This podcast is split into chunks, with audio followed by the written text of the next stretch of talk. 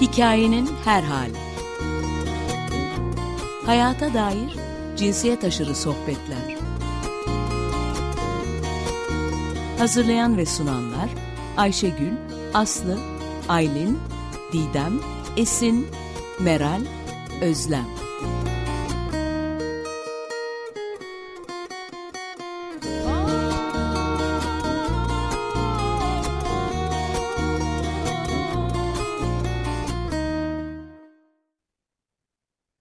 Hikayenin her hali dinleyicilerine merhabalar. Ben Meral. Bugünkü programı sevgili Handan Çağlayan'la birlikte yapıyoruz. Ayrıca birbirinden değerli konuklarımız da var. Nebahat Akın, Meral Akbaş, Emel Akal ve Esra Koç. Hepiniz hoş geldiniz. Bu programda e, konuklarımızla İstanbul Toplumsal Cinsiyet Müzesi'nin yaptığı ve 1 Mayıs 20, 2023 tarihinde açılan Tohum Ekenler, Fide Dikenler, Türkiye Sol Hareketi Kadın Artılar Tarihi Arşivi hakkında konuşacağız. Bu arşive www.istanbulgendermuseum.org adresinden ulaşılabiliyor. Şimdi program konuklarımızı kısaca tanıtmak istiyorum. Aramızdaki yaşam deneyimi en uzun olan isim Nebahat Akın'la başlıyorum. Nebahat Akın 93 yaşında bir emekli öğretmen, Van Ernis Öğretmen Okulu mezunu. Tüm meslek hayatı süresince aktif sendikalar, sendikal çalışmalar içinde oldu. Tüm Öğretmenler Sendikası TÖS ve tüm Öğretmenler Birleşme ve Dayanışma Derneği TÖPDER üyesiydi. Nebahat Akın 12 Eylül'de Karadeniz Kadınlar Derneği üyesi olduğu gerekçesiyle gözaltına alınmıştı. Meral Akbaş, antropolog, 12 Eylül darbesi sonrasında Mamak askeri cezaevinde tutuklu bulunan devrimci kadınların anlatılarına dayanarak yazdığı yüksek lisans tezini Mamak kitabı Biz Bir Orduya Kafa Tuttuk arkadaş adıyla yayımladı ve sol kadın tarih yazımı için önemli bir belge yaptı. Emel Akal, siyaset bilimci, Kızıl Feministler kitabı ile İlerici Kadınlar Derneği'nin tarihinin unutulmamasını sağladı. Sol kadın artılar tarihinin önemli bir dönemini belgeledi. Akal 1976-80 yılları arasında İlerici Kadınlar Derneği üyesi olarak birçok kentte örgütlenme faaliyetlerinde bulundu. Esra Koç kendini hem ziraatçı hem de insan hakları ve kadın hakları aktivisti olarak tanımlıyor. Uluslararası Af Örgütü Türkiye Şubesi ve Yurttaşlık Derneği kurucu üyeler arasında yer aldı. Evet konuklarımız böyle. Handan ve ben ise Tohum Ekenler, Fide Dikenler, Türkiye Sol Hareketi Kadın Artılar Tarihi Arşivinin eş küratörlerinden sadece ikisiyiz. Çünkü bu çalışmada 11'e eş küratör toplam 48 kişinin emeği var. Bugün aramızda bu 48 kişiyi temsilen 4 kişi bulunuyor. Meral Akbaş çalışmanın danışma kurulundan, Emel Akal ve Esra Koç küratör kolektifinden ve Nebahat Akın da arşive kendi bilgilerini yükleyen isimlerden sadece biri. Tohum ekenler, fide dikenler, Türkiye Sol Hareketi Kadın Artılar Tarihi Arşivi genelde erkek tarihi olarak sunulan Türkiye solu tarihinin yeniden yazılmasına katkıda bulunan bir çalışma olarak tasarlandı ve gerçekleştirildi. Meral, dilersen burada öncelikle e, konuklarımıza hoş geldiniz diyeyim. Sonra da e, dinleyicilerimize merhaba diyeyim. E, burada e, tohum ekenler, fide dikenler yani arşivin başlığını oluşturan e, tohum ekenler, fide dikenlerin esin kaynağından e, söz etmeden geçmeyelim doğrusu. E, tohum ekenler, fide dikenlerin esin kaynağı şair Gülten Akın'ın Sardunya isimli şiiri oldu. Gülten Akın bu şiirinde şöyle diyordu. Yasadır, ansıtalım. Tohum ekenlerin, fide dikenlerin kimse durduramaz yağmurunu. Güneşini kimse kesemez. Fesleğen ekiyorum, sardunya dikiyorum. Arsızmış, öyle diyor komşum. Artık siz istemeseniz de açar tohumunu, yayılır toprağınızda. Ben devam edeyim istersen Handancığım. Tabii ki. İki paragrafta. Ne güzel, ne güzel, ne güzel Tanrım. Fesleğen ekiyor, sardunya dikiyorum. Bitiyorum arsızlığına, çimenin, çiçeğin. Arsızlık bugünden geri umut ve direnç demektir. Sokulmak demektir yaşamın koynuna. Özdeşlik demektir yaşamla. İnan olsun dostlar, inan olsun. Dalından kopan sardunya bozulmadı bir kez, eğmedi başını, açmayı sürdürdü diktiğim toprakta. Evet, senin de dediğin gibi esin kaynağımız Gülten Akın'ın direnç konusunda düşündüğü bu şiiri. Direnç, tohum ekenler, fide dikenler, Türkiye Sol Hareketi, Kadın Artılar Tarihi Arşivindeki tüm isimlerin de ortak niteliği. Sol kadınlar hakkında şimdi değil, onlarca kitap, belgesel ve sergi yapıldı.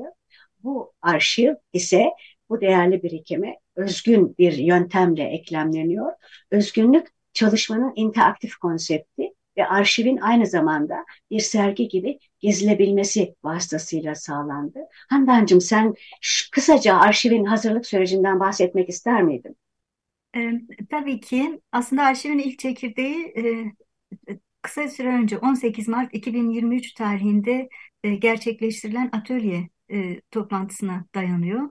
E, bu atölyenin katılımcıları Türkiye Sol Hareketi'nde kadınlara dair e, sözlü tarih çalışması yapmış, otobiyografik veya biyografik eserler vermiş, derleme, belgesel türü çalışma yapmış e, olanlardı ve bu çalışmalarda ismi geçenlerden de e, ulaşılabilenlere ve ayrıca konuya ilgi duyan e, kişilere ulaşarak oluşturulan bir atölyeydi ve e, bu atölyenin katılımcıları aynı zamanda e, bu arşivin aslında oluşturucuları da oldu diyebiliriz. Çünkü hem e, küratör kolektifini oluşturdular. Danışma kurulunda yer aldılar. Neboş'cum senin için biraz daha yüksek sesle e, konuşacağım. E, arşivin çerçevesi bu toplantıda tartışıldı ve arşivde ilk yer alanlar da e, bu çalışmalarda ismi geçen kişiler oldu. Yine atölyede önerilen isimler oldu. Sonra bu toplantıdan sonra hazırlanan davet metninin yaygınlaşmasıyla isimler de çoğalmaya başladı. Hem kendilerini arşive dahil edenler oldu hem de e, vefat etmiş kişileri arşive katanlar oldu. Tabii bütün bunlar daha şimdilik yaklaşık 100 kişilik küçük bir çekirdeği oluş, oluşturuyor. E, bütün arşiv çalışmalarında olduğu gibi bu çekirdek genişlemeye devam edecek. Meral senin dediğin de gibi ben de altını çizeyim. Ee, önemli bir özelliği interaktif olması, sürekli yeni katılımlara, katkılara e, açık olacak. Evet, interaktif e, ve katılımcılık bu e, arşivin en önemli e, iki unsuru. E, bunu anlatmak için belki nasıl bir e, yöntem izlediğimizi açıklamak e, iyi olur. Arşive kat, herkes katkı yapabiliyor sanal olduğu için. E, arşive katkı yapmak yani bilgi yüklemek iki yöntemle mümkün. E, hayatta olanların bilgileri sadece kendileri tarafından girilebiliyor. Vefat etmiş kişilerin bilgileri ise herkes tarafından eklenebiliyor. Hayatta olanların kendi bilgilerini sadece kendilerinin arşive dahil etmek kuralını biz çok önemsiyoruz. Çünkü bu yöntem kadın tarihi yazımında yatay hiyerarşi oluşturuyor. Böylece Türkiye'deki sol politikaların, sol eylemin, sol fikirlerin, sol sanatın özetle sol mücadele kültürünün oluşmasında, gelişmesinde ve sürdürülmesinde emeği olan her büyük harfle yazılmış her sol kadın artı kendi kararıyla ben de vardım, ben de varım diyor. Örneğin Nebahat Akın. Nebahat Akın da ben de varım, ben de vardım e, diyen 93 yaşında bir sol aktivist kendisi hakkındaki bilgileri arşive girdi ve sol kadınlar tarihine not düştü. Nebahat Akın 12 Eylül öncesinde Kurtuluş Hareketi içerisinde sorumluluklar ve görevler üstlenmişti. Sevgili Nebahat Hanım, e, Handancığım istersen e, sana sözü vereyim. Nebahat Hanım için daha yüksek sesle sen konuşuyorsun duyması için. Olur, onurla. E, Neboş tekrar merhaba. E, merhaba. Arşiv, arşive bilgilerini ilk girenlerden birisi sen oldun. O yüzden sana sormak istiyorum. Bu arşiv çalışması hakkında ne düşündün? Hatta eğer mümkünse aslında burada yer almak, arşivde yer almanın sana neler hissettirdiğini de bizimle paylaşmak ister misin? Teşekkür ediyorum. Bizi dinleyen herkese ve kadınlara bin selam olsun. Önce kendimi tanıtayım. Yeni girdiğim için. Ben Nebahat Akın, yani Neboş. Bugüne kadar merak edip soranlara 29 Şubat doğumluyum ve 24 yaşındayım diyorum. Van ve Samsun'da sınıf öğretmeni olarak çalıştım. Emekliyim, İstanbul'da yaşıyorum. Güncel olaylar beni etkiliyor. Olayları, yaşadıklarımı yazı veya şiirlerle kalıcılaştırıyorum. Spor yapıyorum, yürüyorum, yüzüyorum, kitap okuyorum, sağlığım da yerinde.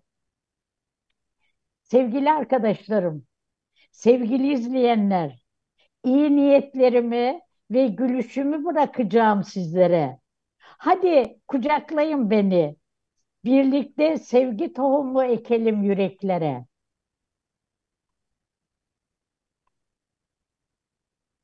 Arşivde olmak bana geçmişin, geleceğin aynasıdır. Geçmişimiz geleceğin aynasıdır. Geçmişimizi bilemezsek neyi, nerede, ne kadar yapacağımızı bilemeyiz. Arşivler sosyal, siyasal, tarihsel, yaşamın belirlenmesi için araştırmacıların başvuracağı kaynaklardır. Özellikle sözlü tarihin ressamlar, sinemacılar, yazarlar, şairler, edebiyatçı, akademisyenler, akademisyenler eliyle gelecek kuşaklara ulaşmasının önemli ve gerekli olduğunu düşünüyorum. Dokuz ciltlik tarih çalışmasını, sözlü tarih çalışmasını, bu Kurtuluş'un hazırladığı sözlü tarih çalışmasını örnek bir çalışmadır. O günlerdeki olayları, olanları yaşayanlar Kurtuluş'ta örgütlenip yazdılar. Tarihe mal olmak, gelecek kuşakları aydınlatmak için arşivlenmesinin gerekli olduğunu düşünüyorum. Tarihi harabeler, gezip gördüğümüz tarihi yerler, yazılan yazılarla ve rehber anlatılarıyla anlam kazanıyor. Ayrıca tarihimiz hakkında yazılan kitaplar, o devirde yaşayanların anı kitapları ve benzerleri bize geçmişimizi anlatan ve aydınlatan ders niyetin niteliğindedirler ve önemlidir. Bugün yaşadıklarımızı yarınlar için arşivlemek gereklidir diye düşünüyorum.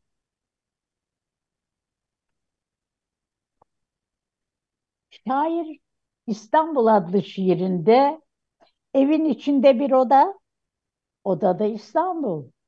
Odanın içinde bir ayna, aynada İstanbul diye başlamış. Nereye bakarsan bak, orası İstanbul demiş ya. Ben de bütün sosyal çalışmalarımda okuduğum, gördüğüm, çalıştığım derneklerde, partilerde ve hatta kurtuluş da dahil ama bütün sosyal, siyasal örgütlenmelerde hep er, erkek egemen sistem hakim olduğundan nereye bakarsan bak orada erkek erkek egemen sistem var diyorum. Ve görüyorum hiçbir yerde kadının adı yok. Nasıl ki hayatı işçiler yaratıyorsa, kadın en ağır ev işçisi olarak yaşamın içinde hayatı yaratıyor, yaşatıyor, güzelleştiriyor ve yürütüyor. İş yerinde, fabrikalarda, dernek çalışmalarının yanında evdeki yükü de omuzlayıp götürüyor. Buna rağmen Nazım Hikmet şiirinde kadınlar için sofrada yeri öküzümüzden sonra gelen demiş ya, ta Hava anamızın cennetten kovulmasından beri sürüp gelen değeri bilinmeyen kadınlarız. Her şey benimle başlar diyorum ve düşünüyorum. Aynı şartlar altında doğuyoruz ama erkek çocuğa toplum olarak biz de dahil ayrıcalık tanıyoruz. Aile içinde, akrabalar arasında, toplum içinde oğlan doğurmuş diye itibar gören kadın aynı zorluklarla kız çocuk doğurduğunda kadının itibarı azalıyor. Neden? Banka işlemlerinde çocuğun okula kayıt sırasında hep baba adı sorulur. Hatta kimin çocuğusun dendiğinde çocuk babasının adını söyler. Öğretilmiş çaresizlik mi? Niye? Neden?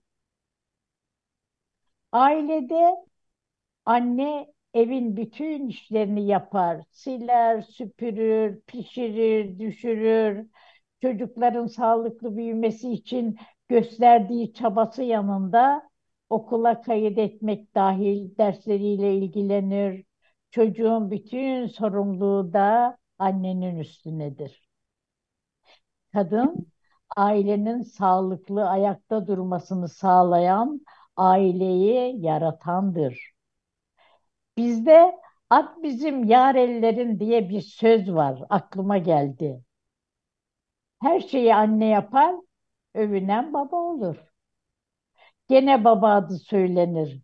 Bu nasıl düzen hey bekler oğlu?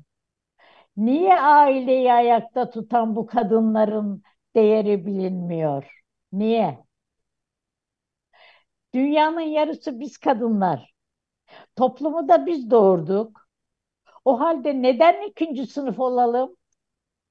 Herkes kanatlarını taksın, bir kişiye ulaşsın. Haydi diyorum. Beşiği sallayan dünyayı da sallar. Biz kadınlar bilinçlendik, birleştik, örgütlendik, çoğalıyoruz. Amasız, fakatsız, bütün dünya kadınları el ele, erkek kadın kişi ayıramadan, ayrımı yapmadan yeni bir düzen kurup yöneteceğiz. Göreceksiniz o zaman nasıl rengarenk bir dünya yaratacağız. İşte o günleri göreceğim umudu ile yaşıyorum ve yaşayacağım. Soruyorum, bütün bunların umuduyla yaşarken hırsızın kabahati hiç mi yok? Var, var. Kabahatin çoğu senin canım kardeşim demiş ya Nazım Hikmet. Kadınlar olarak biz toplumun yarısı kadın. Bütün toplumu da biz doğurduk diyoruz ya şişine şişine. Evet biz doğurduk ama biz yetiştirdik.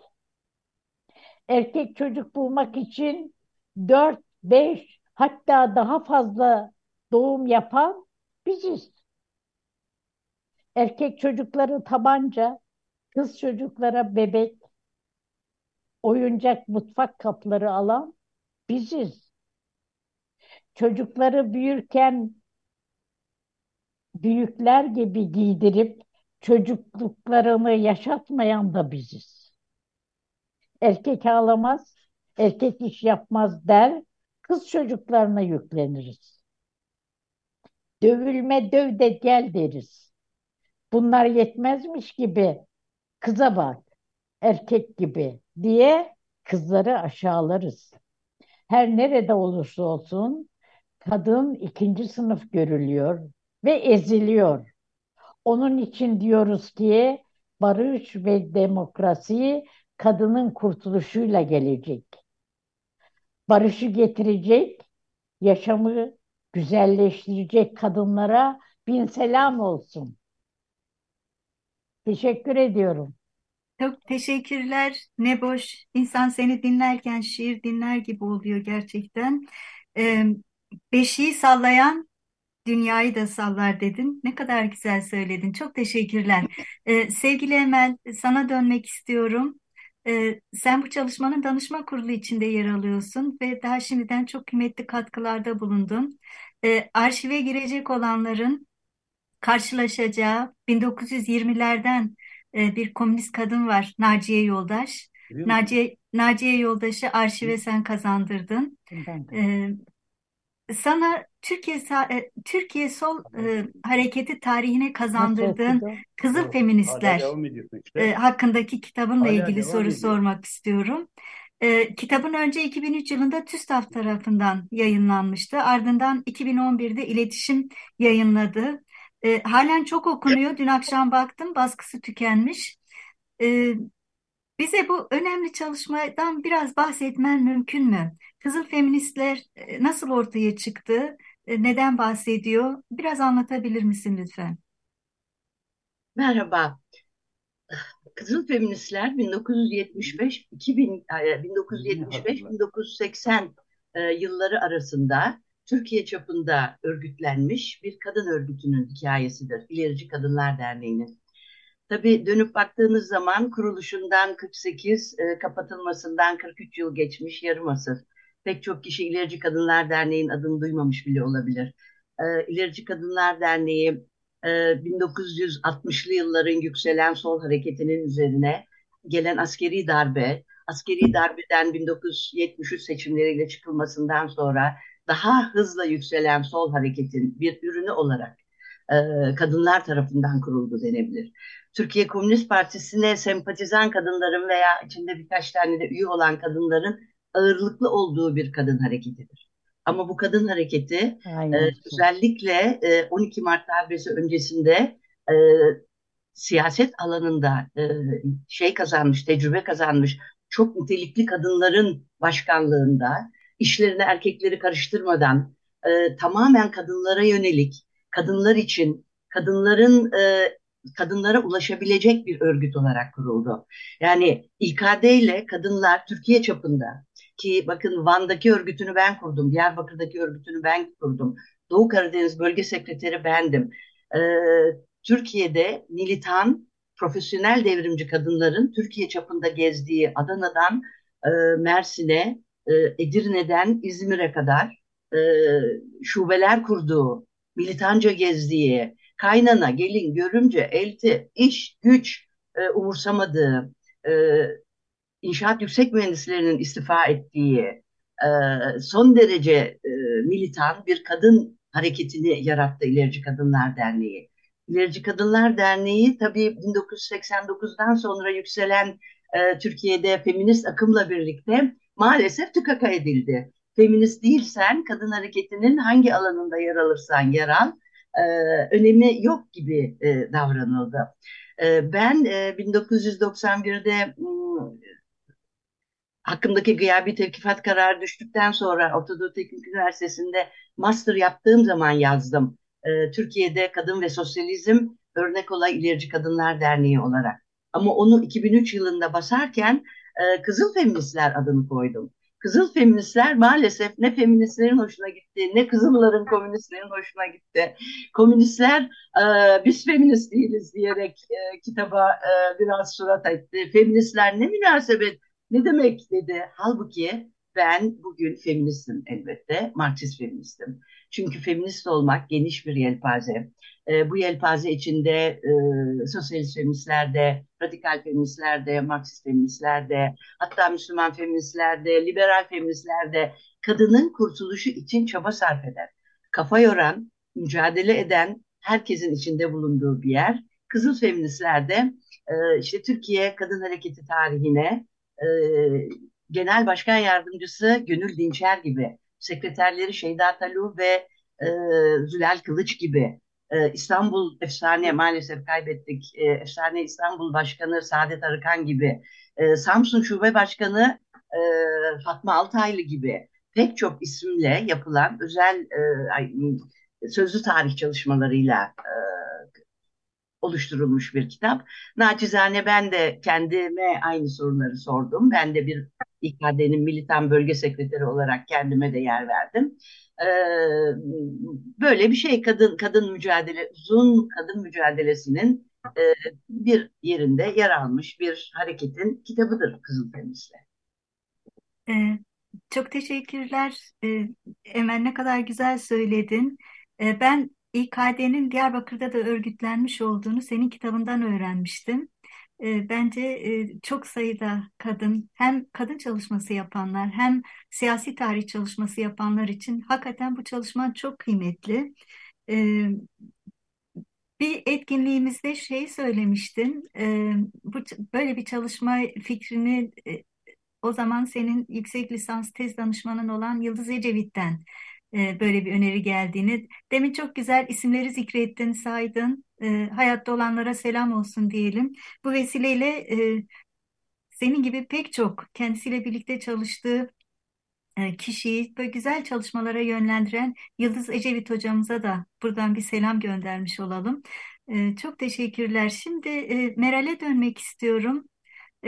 Meral'cim sen de Mama kitabında e, sol kadınların tarihine ilişkin çok özgün bir katkıda bulundun. Aslında sanırım şöyle söylemek de mümkün. Sol hareketin tarihine bir müdahalede bulundun. Çünkü o hani Mamak direnişine ilişkin e, bir müdahale oldu aslında kadınları da katan. E, biz bir orduya kafa tuttuk arkadaş alt başlığıyla. Ankara'nın feminist yayın evi. Burada Ayzin'i de e, anmış olalım. Ayzin'den yayınlanmıştı kitabın. E, dinleyicilerimize kitabına kaynaklık eden çalışmandan böyle bir çalışmayı yapma, yani nereden e, böyle bir çalışma fikri oluştu ve çalışmanın içeriğine ilişkin e, sen de e, biraz bahsetmek ister misin? E, teşekkürler Andan. E, öncelikle bu çalışmanın bir parçası olmak benim için çok onur verici. Onu söyleyerek e, başlamak isterim. Şimdi aslına bakarsanız tabii insanın yaptığı çalışmaya sonrasında bakınca biraz ne yapmaya çalıştığını fark ediyor. Oysa ki e, ben kendi adıma biraz m, heveslerimle, sezgilerimle ilerlemiştim o zaman. Onları böyle çok böyle hani kuramsal ve kavramsal yerlere oturtmamıştım. Biraz böyle isyanım vardı. Onun aslında en önemli sebebi de e, şuydu. Yani benim açımdan Türkiye'deki devrimci kadınların mücadelesi, deneyimleri acaba feminist hareket içinde niye e, yazılmıyordu? Yani o çerçevenin içinde niye yer almıyordu? Ve niye aslına bakarsanız hem feministler hem de devrimci kadınlar buna niye pek niyetli değildi? Yani aslına bakarsanız şimdi geriye doğru dönük e, düşündüğümde bunu hissediyorum. Yani esas derdimin, e, esas isyanımın burada olduğunu e, görüyorum, fark ediyorum. Şimdi esas olarak kitap aslında sanıyorum yani başlığıyla da biraz kendini anlatıyor. Gerçekten e, bir orduya kafa tutan e, kadınların cezaevinde, bir askeri cezaevinde 12 Eylül'ün tüm o eziyet koşulları içinde koğuşları, kadın koğuşlarını nasıl nefes alınabilir yerlere dönüştürdüklerini ve bunları sadece yan yana gelerek, yan yana durarak e, becerebildiklerini, başarabildiklerini, yapabildiklerini anlatmaya çalışan bir metin. Daha çok kadınların konuştuğu, devrimci kadınların konuştuğu, yani yazar olarak benim hani biraz daha geriye çekildiğim, onların e, sözlerine, seslerine, benimle paylaştıkları resimlerine, çizimlerine e, yer verdiğim bir metin olduğunu söyleyebilirim. E, bununla beraber şunu e, söyleyebilirim. E, aslına bakarsanız bu metin bir tabii test çalışması ama en öncesinde de bir küçük bir ödev yani 10 sayfalık bir ödev ve bu ödeve kaynaklık eden e, kişi de bir kadın yani Sema Yiğit. E, dolayısıyla tüm o kitaba giden yolu başlatan bir kadının hikayesi. Bir kadının Sema Yiğit'in tüm samimiyetiyle, e, bana olan güveniyle kendi hikayesini, Mama hikayesini benimle paylaşması. Onun için e, buradan ona bir kez daha çok teşekkür etmek isterim. Bu da aslında yani bir kadının sözünün, e, cümlelerinin, anlattığı hikayelerin bir tarihi nasıl tersine çevireceğini, yerinden nasıl edeceğini, bize bambaşka yani hep sürekli o güne kadar anlatılan bir hikayenin bambaşka bir halini nasıl önümüze getirebileceğini anlatması açısından e, paylaşıyorum. E, söyleyebileceklerim bunlar aslında. E, bir de belki şunu söylemek lazım. Sema Hanım benimle konuşurken e, ben ona hep e, sorduğum, döne döne sorduğum şey şuydu e, kadınlar hikayelerini niye anlatmıyorlar? Daha sonrasında aslına bakarsanız bu anlatmamanın kendisinin ne kadar verimli bir şey olabileceğini yani gizlide duran e, şeyin, saklı olan şeyin aslında o devrimci, değiştirici gücünü de biraz belki sonrasında e, birkaç cümle söylerim e, programın sonuna doğru. Ama hep benim o zamanki derdim biraz da buydu yani niye anlatmıyorlar? E, o da hep kendi hikayesini ben diye değil de biz diye anlatan bir kadındı. Daha sonrasında görüşme yaptığım bütün kadınlar aslında ben diye anlatmadılar da hikayelerini biz diye e, anlattılar. E, belki bunu söylemek lazım. Yani o kadın hikayelerindeki bence sihir, eğer buna sihir diyeceksek demeliyiz de diye de düşünüyorum. Belki de bu yani bir kişiden çıkan hikaye aslında tüm o dünyadaki ilişkileri yeniden değiştirmeye, dönüştürmeye imkan veren bir içerik de içeriyor. Onun sebebi de sanıyorum tek bir kişi konuşurken bile o kişinin sadece kendisinden bahsetmiyor olması. Ee, bunu söyleyebilirim, böyle bitirebilirim. Ay çok teşekkürler. İnsan devamının gelmesini bekliyor aslında bu söylediklerin her cümle çok böyle e, merak uyandır, uyandırıcı nitelikte. Maalesef süremiz kısıtlı. Yoksa hani çok isterdim anlatmanı ama bir iki cümleyle şeyi söylemek isterim. E, Meral sen şu anda yanlış değilsem cezaevlerinde kadınların yemek yapma pratikleri üzerine e, bir çalışma yürütüyorsunuz bildiğim kadarıyla. Çok kısa bir iki cümleyle ondan bahsetmem mümkün mü? Ee, evet Handan, aslına bakarsan tabii Mamak kitabı ve orada tanıştığım bana hikayesini anlatan kadınların söylediği her şey benim yolumu açtı aslına bakarsan. Ee, yani Türkiye öyle bir ülke ki cezaevin, cezaevlerindeki deneyimden gözünüzü ayırmamanız gerekiyor. Orada yaşanan her şey aslında Türkiye'nin e, halini anlamanız için de sizin önünüze e, çok e, geniş bir e, ne diyeyim geniş bir alan açıyor. E, şimdi de evet arkadaşımla Özge Kelekçi ile beraber aslında önce Ulucanlar cezaevinin müzeye dönüştürülmesi üzerine e, çalıştık ve orada Kürtlerin özel olarak Kürt kadınlarının ve kadınların deneyimlerinin nasıl yok edildiği üzerine bir çalışma yaptık. Devamında da şimdi de yine sözlü tarih çalışmalarıyla beraber kadınların ve erkeklerin aslında cezaevinde F tipi koşullarında yemeği, yemek yapmayı yine bir dönüştürücü pratik olarak e, nasıl sürdürdüklerini, yokluktan e, nasıl tarifeler, nasıl tarifler, sadece kendilerini değil yanlarındaki her insanı, kendilerinin çok uzağında olan başka işte koğuşlarda, hücrelerde olan insanların da hayatlarını nasıl devam ettirmeye dönük bir dayanışma e, ördüklerini yemek pratikleri, yemek pişirme, yemek hazırlama, onlara verilenleri verilen yemekleri dönüştürme pratikleri üzerinden yürüttüğümüz bir çalışma yapıyoruz. Aslına bakarsanız Mamak'taki hikayenin bir devamı gibi yani yokluk içinde olan şiddet dolu bir mekanda aslında nasıl orası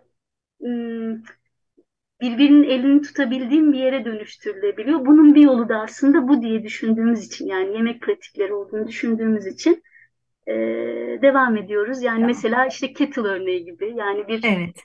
elektronik aletin bile aslında ne kadar çok şeyin piştiği bir yer haline geldiğini anlamak bile aslında bizim açımızdan çok hayata yeniden bağlayıcı bir şey. Onu söyleyebilirim. Çok teşekkürler Meral. Bu çalışmanın da o zaman heyecanla bekleyeceğiz. Hemen şimdi Esra'ya dönüyorum.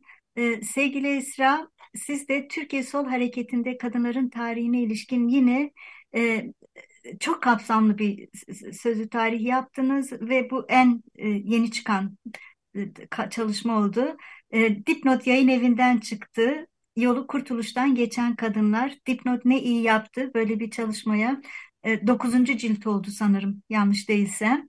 E, kitapta hem hikayen var ama sen hem de bu kıymetli çalışmayı yürüten kolektifin içinde yer alıyordun.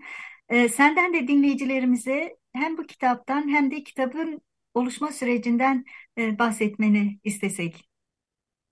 Çok teşekkür ederim e, sevgili Handan. E, şöyle söyleyebilirim, e, ben e, gençliğimde yani e, ilk gençlik yıllarımda öğrenci hareketi ve daha sonra politik hareket içerisinde yer almaya karar verdikten ve işte deneyimler yaşamaya başladıktan sonra sık sık hep şeyi düşündüm. Bizden öncekiler ne yapmışlardı? Böyle bir durumda bizden öncekiler ne hissetmişti, nasıl davranmıştı, nasıl tavır almıştı? E, o yıllarda maalesef e, henüz e, bu tarih çalışmaları, güncel ve sözlü tarih çalışmaları e, yaygın olmadığı için ve çok ciddi tabii ki bizden önceki e, sosyalist insanlar, komünist insanlar çok ciddi baskılara maruz kaldıkları için kendi tarihlerini e, arşivleyemediler ve bize aktarma fırsatı bulamadılar. E, dolayısıyla ben e, kendi deneyimimde bu eksikliği çok hissetmiştim. Sonra yıllar geçtikten sonra e, gene e, özellikle e, burada hafıza merkezini e, den söz etmek istiyorum. Hafıza merkezini e, gördükten ve yaptıkları çalışmanın ne kadar önemli olduğunu gözlemledikten sonra ayrıca kadın kütüphanesinin kadın e, tarihi ve kadınların e, kendine güvenini ve kend, e, kendine olan e, varlık nedenlerini e, nasıl güçlendirdiğini e, fark ettikten sonra e, tarihin e, mutlaka yazılması gerektiğine e, inandım. E, bir kez daha e, bunun önemini fark ettim. E, bu arada e, şeyi de fark ediyorsunuz yani işte sevgili Nebahat Akın'ın bahsettiği gibi e, yani tarih de çok e, egemenlerin tarihi. Yani bu sadece şey yani politik güçler anlamında ya da işte kapitalizm ya da feodalizm anlamında söylemiyorum yani aynı şekilde cinsler arasındaki güç de tarihin yazımında çok belirleyici oluyor. Dolayısıyla bunu deneyimledim kendi şeyimde. Çünkü biz kurtuluşun kurtuluş çevresinde bulunan insanların e, neler yaşadığını, bir dönemi nasıl yaşadıklarını, tabii bu sadece kurtuluş meselesi değil, yani o bir simge. Aynı şeyler bütün o, dönemde yaşanan bütün politik hareketler arasında içinde üç aşağı beş yukarı çok yakın paralelliklerle yaşandı. Ya ben bunları biliyorum. Birçoğumuz da bunu zaten gözlemlemiştir. Okudu, okuma fırsatlarını buldularsa kitapları. Ee, tarih e, gerçekten egemen cinsin tarihi olarak ortaya çıktı. Çok ilginç bir şekilde hani zaman zaman e, mesela destek kadın kitabını yaparken işte fotoğraf ya da bilgi desteği istediğimiz e, erkek arkadaşlarla konuşurken işte böyle böyle bir kitap yapmaya çalıştığımızı söylediğimizde bana şey diyenler oldu. Niye ki? Kurtuluşta önemli bir kadın mı var?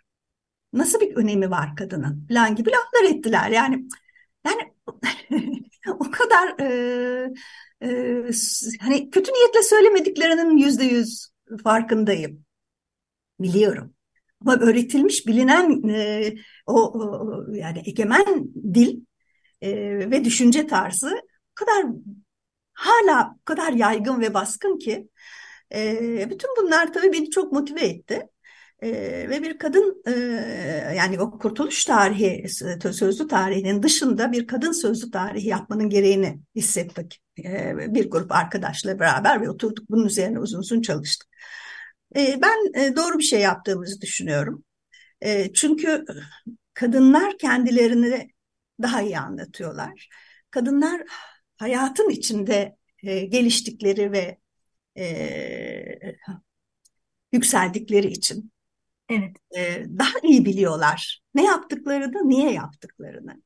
Mesela beni e, hani kadın güzellemesi yapmak için söylemiyorum ama çok etkileyen kitaplardan biri e, diye, olarak bir şeyden söz etmek istiyorum. Yani niye ayrı kadın kitabı yapıyoruz biz e, sorularına çok muhatap olduk onun için. E, çok yıllar önce e, bir e, kitap okumuştum. Önce kadınları vurun diye bir kitaptı bu. Ee, bir şeyin yani e, 68 dönemi gerilla kadınlarıyla yapılmış bir gazeteci kadının yaptığı röportajlardan oluşuyordu. Ve oradaki ana fikir yani bu kitabın ismini ko konmasına neden olan ana fikir şeydi. E, bir karşı e, yani kontrgerilla timinin e, mottosu. Yani bir eylemde kadınları vurun önce. Diğer e, örgütün elemanları o zaman daha kolay e, ele geçirilebilir. Kadınlar daha fazla e, kararlı ve dirençli oluyorlar. Böyle bir şeyleri var, stratejileri var e, kontrgerilla e, çalışmasının. Bu kitabı bu yansımış başlık olmuştu ve bunu okuduğum zaman e, hani hakikaten bana çok beni çok etkiledi. Gerçekten böyle bir durum var. Yani kadınlar bir şeye karar verdikleri zaman onun sonuna kadar o kararlılıkla devam ediyorlar. Ee, evet, e, es, pardon Esra kitapta kaç kadının hikayesi e, Bizim kitapta 20 kadının evet. hikayesi evet. var. Ee, sözünü ettiğim kitapta da herhalde Hı-hı. bir 7 tane falan kadın gerilla hikayesi var. İsimlerini şimdi tam hatırlayamayacağım. Aralarında Leyla Haged'in olduğu, e, Ulrike Meinhof'un olduğu falan yani e, birçok o dönemdeki ünlü kadın gerilla ile ilgili. Neyse e, dolayısıyla yani bu kitabı e, bizim kitabımızın e, yazılış amacı buydu. Kadınlar hikayelerini kendileri daha güzel anlatırlar diye düşündüm. E, ve öylece bir grup arkadaşla böyle bir çalışma içine girdik. E, umarım e, bizden sonraki kuşaklar bu kitaplardan hepimizin e, bıraktığı bu kitaplardan, bu yazılı metinlerden e, bundan sonraki çalışmalarla ilgili e, bir takım e, ipuçları elde ederler ve benim bir zamanlar düştüğüm boşluğa boş e, düşmezler. Böyle küçük bir katkımız olur. Bundan gelecekteki e, direnişçilere, solculara ve feministlere. Çok teşekkürler. Çok mütevazisin Esra. Ya kitabınız gerçekten çok çok kıymetli. Özellikle e, sadece kamusal alanda bir e, sol mücadele anlatmıyor aslında. Kadınların ev içinde de nasıl bir mücadele yaptıklarını. Yani ben okurken en çok bu yönü dikkatimi çekmişti. Bir kez daha ellerinize sağlık. Teşekkür ederiz. Evet, ben de çok teşekkür ediyorum ee, Esra e, bu anlattıkların için. Ne yazık ki vaktimiz e, yıldırım hızıyla ilerliyor. Bir saatlik bir programdayız. Biz programın hazırlığını yaparken sevgili Nevat Akın ben bu sizin programınızda bir şiir okumak, bir şiir armağan etmek istiyorum demişti. Acaba e, kendisine bu şiiri e, okumasını rica edebilir miyiz? Ve neden okumak istedi bu şiiri? E, belki siz anlatırsınız Nebahat Hanım. Buyurun. Evet, yeniden merhaba. Dünyayı sarsan, ülkemizi yasa bulan 6 Şubat depremi ne yazık ki 10 ilimizi harabeye çevirdi. Buna sosyal medyada açık saçıklığın neden olduğunu okuyunca 70'li yıllarda Samsun'da yaşanan sel felaketindeki konuşulanları hatırladım. Samsun'da yağan yağmur sele dönmüştü. Mert Irmağı taşmış, ırmak kıyısında yapılan evler yıkılmıştı. Ölenler olmuştu, bütün eşyalar sele kapıldığından sefalet diz boyuydu. Bütün şehir olarak dayanışma, yardımlaşma çalışmalarına başlamıştık. Güncel konu olarak sınıfta konuşuyoruz doğal olarak. Çocuklar, öğretmenim bazı kadınlar mini etek giyiyor, açık saçık geziyorlar. O yüzden sel felaketi oldu dediler. Peki oraya gidenleriniz var mı? Orada yaşayan kadınları gördünüz mü? diye bir soru yönelttiğimde orada fakirliğin çok olduğunu, kadınların uzun etekli olduklarını ve başı açık gezmediklerini söylediler. Mini eteklileri buralarda, balkonlarda, çarşıda, pazarda gördüklerini söylediler. Peki niye yağmur onların evlerini yıkmadı dedim. Düşündüler. Ben de şimdi 70'li yılları 'Aşağı yukarı 50 yıl geçmiş. Düşünme sırası bende, bizde. Niye bilim adına bir adım daha atamadık diyorum. Ve Cezayirli kadın yoldaşın bu durum için yazdığı şiiri okuyacağım. Mini etek giyip bacaklarımı açmak depremlere, dalgalı saçlarımı açmak fırtınalara, rüzgarlara sebep oluyorsa, gerdanımdan küçük bir görüntü denizlerin yükselmesine, sesim toprağın kaymasına sebep oluyorsa, sütlü koca memelerimin görünümü kıtlığa ve sefalete neden oluyorsa, kollarımın açıklığı iklimi ısıtıyorsa, gülüşüm kainatın dengesini bozup tüm ahlaksız işgücüleri uyandırıyorsa, tüm doğal felaketlerin ardında ben varsam, sebep bensem, o halde benden kork. Çünkü ilahi güç ben, mutsuz ve ölümlü olan sensin.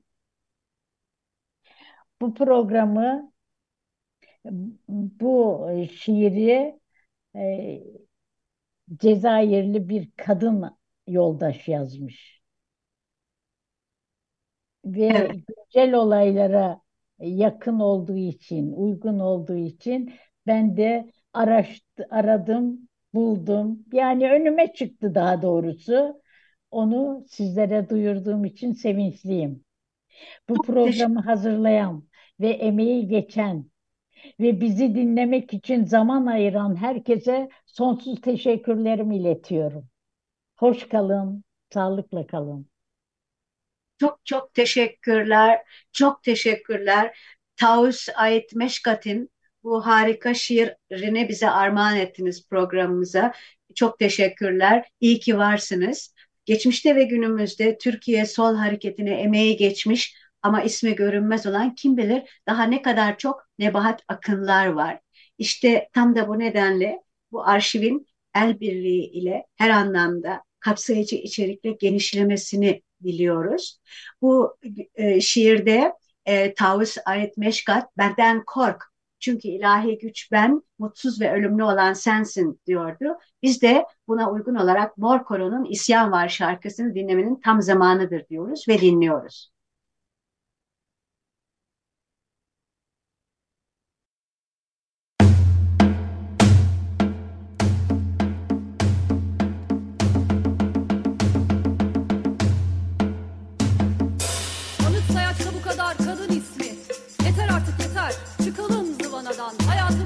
dreams.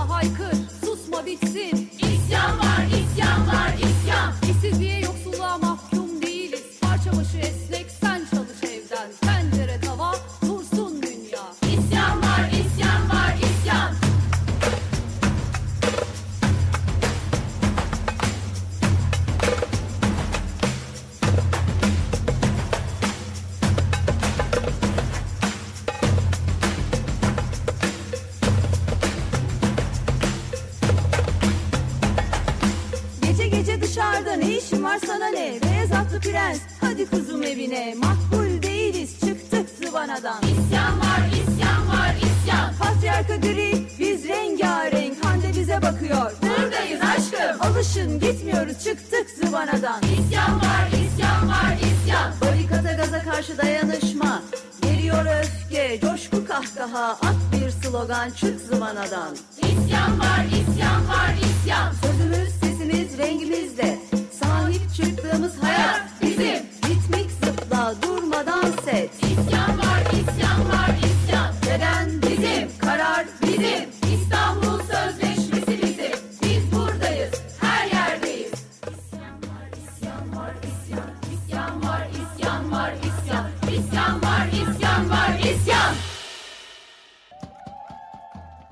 Ya. Evet.